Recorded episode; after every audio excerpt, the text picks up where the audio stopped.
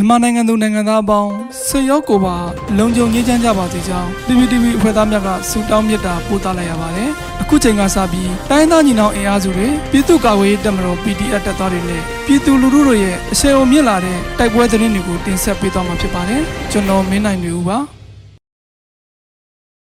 ပထမအဆုံးအနေနဲ့တထုံထုံးပေါ်လေးထုံးပေါ်ကြီးကြည်ရကြတွင်စစ်ကောင်စီတပ်ဖွဲ့ကို KNN နဲ့ TPG အဖွဲ့ကမိုင်းဆွဲတိုက်ခိုက် စစ်သား9ဦးသေဆုံးပြီး3ဦးဒဏ်ရာရတဲ့တဲ့တင်ဆက်မှာပါ။ကရင်မျိုးသားစီယုံ KNU တပ်မဟာ1အုပ်ချုပ်နေမည်တထုံမြို့နယ်တိန်စိတ်ကြီးရွာမှပိန်းနေတော်ကြီးရွာသို့တွားတဲ့လမ်းထုံးမိုကြီးထုံးမိုလေးကြီးရွာကြားတွင်အကြမ်းဖက်စစ်ကောင်စီတပ်ဖွဲ့ကိုဂျမန်နေ့ဖေဖော်ဝါရီလ3ရက်နေ့နက်နက်တွင် KNN နှင့်တထုံမြို့ပြပျောက်ကြားများပူးပေါင်းတပ်ဖွဲ့မှမိုင်းဆွဲတိုက်ခိုက်ရာစစ်သား9ဦးသေဆုံးပြီး3ဦးဒဏ်ရာရရှိကြောင်း TPG ကသတင်းထုတ်ပြန်ထားပါတယ်။ ခြေလင်ထွက်ခါလာတဲ့စစ်ကောင်စီတပ်ဖွဲ့ကို KNN နဲ့တပ်မဟာ1တပ်ရင်းနဲ့တပ်ခွဲ1နဲ့တထုံပြည်သူပျောက်ကြား TPG တပ်ဖွဲ့တို့ကမိုင်းသုံးလုံးစက်တိုက်ဖောက်ခွဲတိုက်ခတ်ခဲ့ခြင်းဖြစ်ကြောင်းသိရှိရပါတယ်။ဂျမန်နဲ့မွန်လေပိုင်းတွင်လည်းဘီလင်ဇီဝွန်အခြေဆိုင်အမှတ်314အမြောက်တပ်အတွင်းသို့လက်နက်ကြီးတစ်လုံးကြားရောက်ပောက်ခွဲခဲ့ပြီးစစ်ကောင်စီဘက်မှပြန်လည်ရန်တမ်းပစ်ခတ်မှုကြောင့်အနည်းဝန်းကျင်ကြီးရွာများတွင်သို့ကြည်များကြရောက်ကဘီလင်းတတုံလမ်းမတွင်ခီးသွားကားများ ဂျာနဲ့ချီပိတ်မိနေခဲ့ပါတယ်။ KNU တပ်မှတစ်နေမြေတွင်အကြမ်းဖက်စစ်ကောင်စီနှင့် KNN နှင့်ပူးပေါင်းတပ်များကြားတိုက်ပွဲများနေ့စဉ်ဒီပါဖြစ်ပွားနေပြီးစစ်ကောင်စီဟာတန်ချက်ကအမြောက်၄စီးအပါအဝင်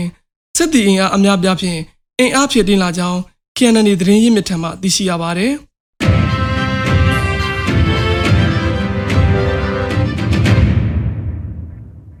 ရန်ကုန်တွင်တောင်တကုံစီပင်ယုံလှိုင်တရာကင်းလက်စီရင်တံ ခရမ်းစစ်စေးဂိတ်နှင့်မင်္ဂလာတုံလေတံဝင်းများတိုက်ခိုက်ခံရတဲ့တဲ့ရင်ဆက်လက်တင်ဆက်မှာပါရန်ကုန်မြို့တွင် တောင်တကုံစီပင်ယုံလှိုင်တရာကင်းလက်စီရင်တံခရမ်းစစ်စေးဂိတ်နှင့်မင်္ဂလာတုံလေတံဝင်းများကိုပြည်သူ့ကာဝေးတပ်များကတိုက်ခိုက်ကြောင်းတပ်ဆိုင်ရာဒေသကာဝေးတပ်များကသတင်းထုတ်ပြန်ထားပါတယ်ဖေဖော်ဝါရီလ၄ရက်နေ့နနက်4:33မိနစ်အချိန် SSUG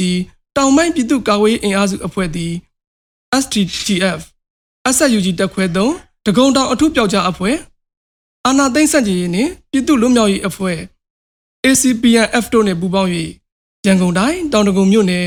24ရပ်ကွက်မြစပယ်လန်းစီပင်ရောက်အနောက်ဘက်ခြမ်းကိုနှစ်ကြိမ်ဖောက်ခွဲတိုက်ခိုက်ကြောင်းအဆိုပါအဖွဲ့မှဘူစောဘလူကပြောပါတယ်။အလားတူယမန်နေ့ဖေဖော်ဝါရီလ3ရက်နေ့ည9:00နာရီအချိန်ခန့်တွင်ပန်းလန်အေယာဘက်သို့ဥတီ၍ကင်းလှည့်လာတဲ့စစ်ကောင်စီရင်နှန်းအားပရိသာမိုင်းသုံးလုံးဖြင့် XRD ရတပ်ဖွဲ့ကစောင့်ကြိုတိုက်ခတ်ခဲ့ပြီးမိုင်းနှလုံးသာပောက်ကွဲကြောင်း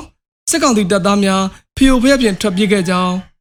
XRD ရအဖွဲ့ကစစ်တပ်ထုတ်ကုန်များရောင်းချနေသည့်အရက်ဘီယာအေဂျင့်ဆိုင်များနှင့်စားတောက်ဆိုင်များကိုနောက်ဆုံးအနေဖြင့်စစ်တပ်ထုတ်ကုန်များအားမရောင်းချတော့ရန်တတိပေးကြောင်းသတင်းထုတ်ပြန်ထားပါတယ်။အလားတူဖေဖော်ဝါရီလ3ရက်နေ့ညနေ6:35မိနစ်အချိန်ရန်ကုန်တိုင်းတက္ကလမြို့နယ်ခရမ်းမြို့ကြားရှိဇွဲတုံစစ်စေးရေးဂိတ်ကို 40မမလက်နက်ကြီးဖြင့်ပစ်ခတ်တိုက်ခတ်ခဲ့ကြောင်းခရမ်းပြည်သူ့ကာကွယ်တပ်ဖွဲ့ထံမှသိရှိရပါတယ်။အလားတူဖေဖော်ဝါရီလ3ရက်နေ့ည9:00နာရီခွဲအချိန်ရန်ကုန်ရှိမင်္ဂလာတုံလေတံဝင်းကိုဘုံသီးလောင်ချသုံးလုံးဖြင့် MOH အဖွဲ့ကပစ်ခတ်တိုက်ခတ်ခဲ့ကြောင်းအဆိုပါအဖွဲ့ထံမှသိရှိရပါတယ်။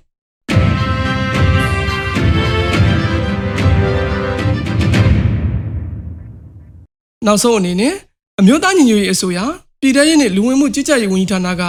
2022ခုဖေဖော်ဝါရီလ4ရက်ရက်စွဲဖြင့်ထုတ်ပြန်တဲ့ပြည်သူ့ခုခံတော်လှန်စစ်တရင်အချက်လက်တွေကိုတင်ဆက်ပေးသွားမှာပါ။အာဏာသိမ်းအကြမ်းဖက်စစ်အုပ်စု၏ပြည်သူလူထုအပေါ်အကြမ်းဖက်ပြီးနေဖမ်းဆီးတိုက်ခိုက်တပ်ဖြတ်နေမှုများကိုပြည်သူလူထုတရက်လုံးကအသက်ရှင်သန်ရေးအတွက်မိမိကိုယ်ကိုမိမိခုခံကာကွယ်ပိုင်ခွင့်အရာပြည်သူ့ခုခံစဉ် People Defensive War ကိုဆင်နွှဲလျက်ရှိပါတယ်။တရင်ချက်များအရ3ရက်2လ2022ရက်နေ့တွင်စစ်ကောင်စီတပ်ဖွဲ့ဝင်42ဦးသေဆုံးပြီး ထိခိုက်ဒဏ်ရာရရှိသူ12ဦးအထိခုခံတိုက်ခိုက်နိုင်ခဲ့ပါတယ်။စစ်အာဏာရှင်စနစ်မြမမြေပေါ်မှာအပြစ်တိုင်ချုပ်ငြိမ်းရေးနှင့်ဖက်ဒရယ်ဒီမိုကရေစီတည်ဆောက်ရေးအတွက်ငြိမ်းချမ်းစွာဆန္ဒပြသည့်လူထုတပိတ်တိုက်ပွဲများကပြည်내နှင့်တိုင်းဒေသကြီးများမှာဖြစ်ပွားပေါ်ပေါက်လျက်ရှိပါတယ်။မြေပြင်မှာယခုတွေ့ရှိရတဲ့သတင်းအချက်အလက်များတဲ့ပို၍ဖြစ်ပွားနိုင်ပါတယ်ခင်ဗျာ။